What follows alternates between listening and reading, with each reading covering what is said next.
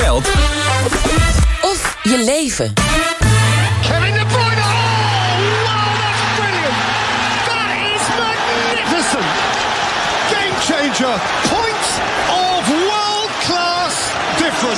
Geniet hoor. In dit geval Kevin De Bruyne die eventjes een gamechanger uh, veroorzaakte... zoals we het commentaar horen. De Premier League hebben we het over. IJzersterk komt misschien wel uh, vooral door de vele miljarden... die daarin gepompt worden... om tegenwicht, tegenwicht te bieden tegen dat financiële geweld... willen Europese voetbalclubs de Super League tot leven wekken. Donderdag dan doet de Europese, het Europese Hof van Justitie uitspraak... of dat plan ook echt door mag gaan... en of daarmee ook duidelijk wordt of de Europese voetbalmarkt... op zijn kop wordt gezet. En wat betekent dat voor Nederlandse clubs? Ik ga het vragen aan sporteconoom Thomas Peters. Meneer Peters, van harte welkom. Fijn dat u er bent. Goedenavond. Um, wat is die Super League ook alweer? Die Super League is een uh, samenwerking tussen enkele clubs uit Spanje, Italië um, en Engeland... Uh, die enkele jaren geleden gelanceerd werd door en met steun van een Amerikaans investeringsbureau. Ja. Is, heeft niet zo lang bestaan, een, een dag of drie, vier... Uh, en toen heeft men er uh, de stekker uitgetrokken, dus er is nooit een wedstrijd gespeeld. Maar de juridische en bedrijfseconomische entiteit die erachter zit, die bestaat nog steeds. En die staat dus nu in de rechtbank. Ja, en wat was nou de reden om die Super League tot leven te wekken eigenlijk? Nou, officieel natuurlijk een hele hoop uh, leuke en mooie idealen. Maar ja. in de praktijk waarschijnlijk dat men het idee heeft in de Spaanse hoofdstad en bij Juventus en op nog wat andere plekken dat die Premier League uh, te snel uh, groeit en dat op termijn de Europese clubs in het, uh, op het vasteland ja, de rol te moeten lossen. Ja, ja, de Premier League te veel financieel groeit, bedoelt u? Dat bedoel ik, ja. ja. Ja, en te machtig wordt daarmee. En wat wordt er donderdag nou eigenlijk besloten? Ik geloof dat daar heel veel rechters zich over buigen. Ja, donderdag uh, worden eigenlijk twee, twee zaken tegelijkertijd of op dezelfde dag uh, gepleit of uh, uitgesproken. Die over de Super League gaat eigenlijk vooral over de vraag: mag UEFA maatregelen nemen tegen zo'n Super League? Dus Aha. mag UEFA in haar reglementen hebben staan dat ze dit mag verbieden en wat mag ze dan ook doen qua straffen als men dit toch doet. Ja, ja, ja. De UEFA is nu nog zeg maar heer en meester controleur over uh, de Europese uh, competities. En daar zou hiermee dan een, uh, een streep doorheen gaan. Um, die, u noemde het al, die, die, dat, dat de Premier League financieel te machtig wordt. Ik zei aan het begin van deze uitzending dat ze een nieuwe deal hebben gesloten. 7,8 miljard voor de komende jaren verdient de competitie aan de tv-rechten die verkocht zijn. Daarmee zijn ze heer en meester, Europees gezien. Dat klopt. En het opvallende is vooral dat dit, hè, dit verhaal over hun nationale rechten, waar de anderen de voorbije jaren eigenlijk moeite hebben gehad om de bedragen van enkele jaren geleden te evenaren, uh, gaat er bij hen nog een beetje bij. En zij hebben vooral ook een veel sterkere internationale rechtenportefeuille. Dus de Premier League brengt veel meer op in de VS, in China, in de andere Europese landen. Ja, ja. En dat komt er ook nog eens bovenop. Ja, en dan krijg je een soort uh, uh, cirkeltje, begrijp ik. Dat je dus meer geld krijgt. Dan krijg je de betere spelers. Uh, krijg je meer kijkers. Krijg je nog meer geld. Krijg je nog betere spelers. Krijg je nog meer kijkers. Nou, dat, dat kringetje draait door en door en door. Waardoor de rest van Europa het nakijken heeft. Dat klopt. En zolang dat die sneeuwbal blijft rollen, zit er natuurlijk vaart achter. En de vrees is een beetje van, als die sneeuwbal van de Premier League te groot geworden is al, ja, ja. Dan, dan stop je hem niet meer. Nee. En krijgen we het scenario, begrijp ik, uh, uh, dat we zelfs bang moeten zijn dat, we, uh, dat Barcelona een of ander middle-of-the-road clubje wordt? Ja, als je kijkt naar de, financiële, de gemiddelde financiële slagkracht van een Premier League club, die is een heel stuk hoger dan die in La Liga. En in het verleden heeft men daar eigenlijk een mouw aangepast door dan in La Liga en in de Bundesliga en andere competities ja. eigenlijk veel ongelijkere inkomstenverdelingen te hebben, waarbij de top veel meer kreeg en de, de startploegen veel minder. Die uh, distributie van inkomsten heeft als nadeel dat dan het product Bundesliga en La Liga eigenlijk minder interessant wordt.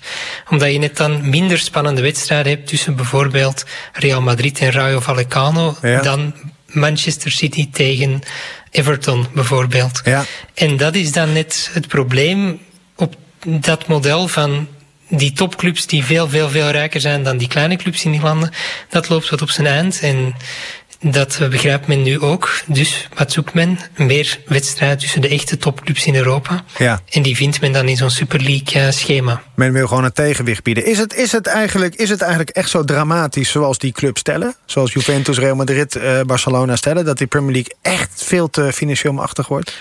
Ja, het hangt van je perspectief af natuurlijk. Ik denk dat de meeste Engelse fans dit helemaal prima vinden. Um, en ik denk ook dat er wel wat te zeggen is voor het idee dat, er, dat het natuurlijk zo is. De beste spelers spelen graag tegen de andere beste spelers. Ja. En dat op regelmatige basis. En wij zien dat ook allemaal heel graag. Het is gewoon ook fijn om naar zo'n wedstrijd te kijken die op superhoog niveau gespeeld wordt week in week uit. Ja. Dus ergens is het misschien wel een natuurlijk monopolie uh, om dat op één plek te hebben. En de Engelsen waren gewoon eerst. En dat is voor ons jammer, maar dat is wel de realiteit. Ja. En, en, en, en wat zou het betekenen voor de begroting van Nederlandse clubs? Ja, ik denk op zich uh, voor de Nederlandse clubs uh, is het jammer uh, het jammere verhaal dat ze er eigenlijk al afgereden zijn in het verleden. En dus ja. financieel gesproken is het voor Ajax bijvoorbeeld, zou het heel leuk zijn om bij zo'n Super League te horen. Drie jaar geleden hadden we nog, had Ajax nog even een momentje. In de Champions League hebben ze nog goed geld verdiend. Ja, dat klopt. te komen. Uh, maar de Champions League is ondertussen ook op zo'n manier georganiseerd dat er Ja. eigenlijk meer geld sowieso stroomt naar die grote landen. Ja. Door van trucjes zoals de market pool, waar dat je eigenlijk inkomsten terugkrijgt uit je eigen nationale deal. Ja. Uh, de historische coëfficiënt die nu is ingevoerd, waar men ook Ja. de traditionele topclubs eigenlijk mee bevoordeelt. Dus het is voor een club als Ajax uh, zeer, zeer moeilijk en te- geworden en al heel lang om te concurreren financieel Ja. dan. En eigenlijk is het een wonder dat men sportief nog af en toe de voet ernaast kan zetten. Ja, nou ja, tegenwoordig eh, is dat een ander verhaal. Maar goed, daar hebben we het even niet over. Feyenoord PSV worden wel genoemd, nu begrijp ik. Ja, klopt. In welke Eh, nu- zin? Ja, het, het, het ding met de Nederlandse clubs is denk ik... Je, voor, stel dat de drie grote er kunnen bijkomen zo'n Super League, dan is dat wel een entry ticket. Want je hebt natuurlijk een hele... Ja, de, de Nederlandse tv-rechten die gaan voor de prijs onder wat één Premier League ploeg krijgt uit de Engelse deal. Dus alle Nederlandse clubs samen hebben minder dan Everton. Dus om dat in perspectief te plaatsen, je kan, denk ik, in de Nederlandse context dat gat onmogelijk dichtrijden. Dus moesten er drie clubs kunnen aansluiten bij zo'n Super League, dan denk ik is dat op dit moment uh, de enige manier waarop je zou kunnen denken dat de Nederlandse clubs nog, uh, Ja. nog hun voet ernaast kunnen zetten. En zou die Super League ook echt tegenwicht kunnen bieden... tegen dit verhaal wat u dan net noemt, tegen de Premier League?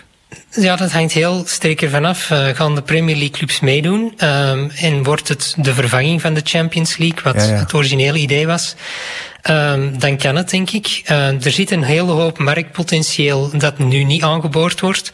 Ik zeg altijd, uh, waar is de grote club in Warschau? Waar is de grote club in Budapest, Boekarest? Uh, eigenlijk zijn die grote Europese steden op dit moment onbediend door het Europees topvoetbal. Ja. En dat zou je kunnen beginnen gaan veranderen als je nadenkt over een Super League met bijvoorbeeld 40 ploegen naar Amerikaans model. Ja, dan kun je weer terug naar een situatie... waarin Steaua Boekarest ook nog eens een kans heeft, zeg maar. Dat, Ja. ja, uh, ja en, en Ajax Amsterdam. Ja, ja, oh ja, die niet vergeten, nee. Um, morgen, wat zegt uw gevoel? Wat gaat die rechter besluiten morgen? Ja, dat vind ik een heel moeilijke, want advocaten die hebben een ongelooflijke gave om mij altijd te verbazen met uh, wat ze belangrijk vinden. Um, dus ik, mijn geld zou staan op dat hij toch uh, de UEFA wel wat gaat beperken in wat ze kunnen en niet kunnen doen. Okay. En dan denk ik vooral aan uh, het opstellen van een helder setje regels. Wat moet zo'n competitie zijn? Ja. En beperkingen van bijvoorbeeld, je mag geen spelers straffen. Oké. Okay.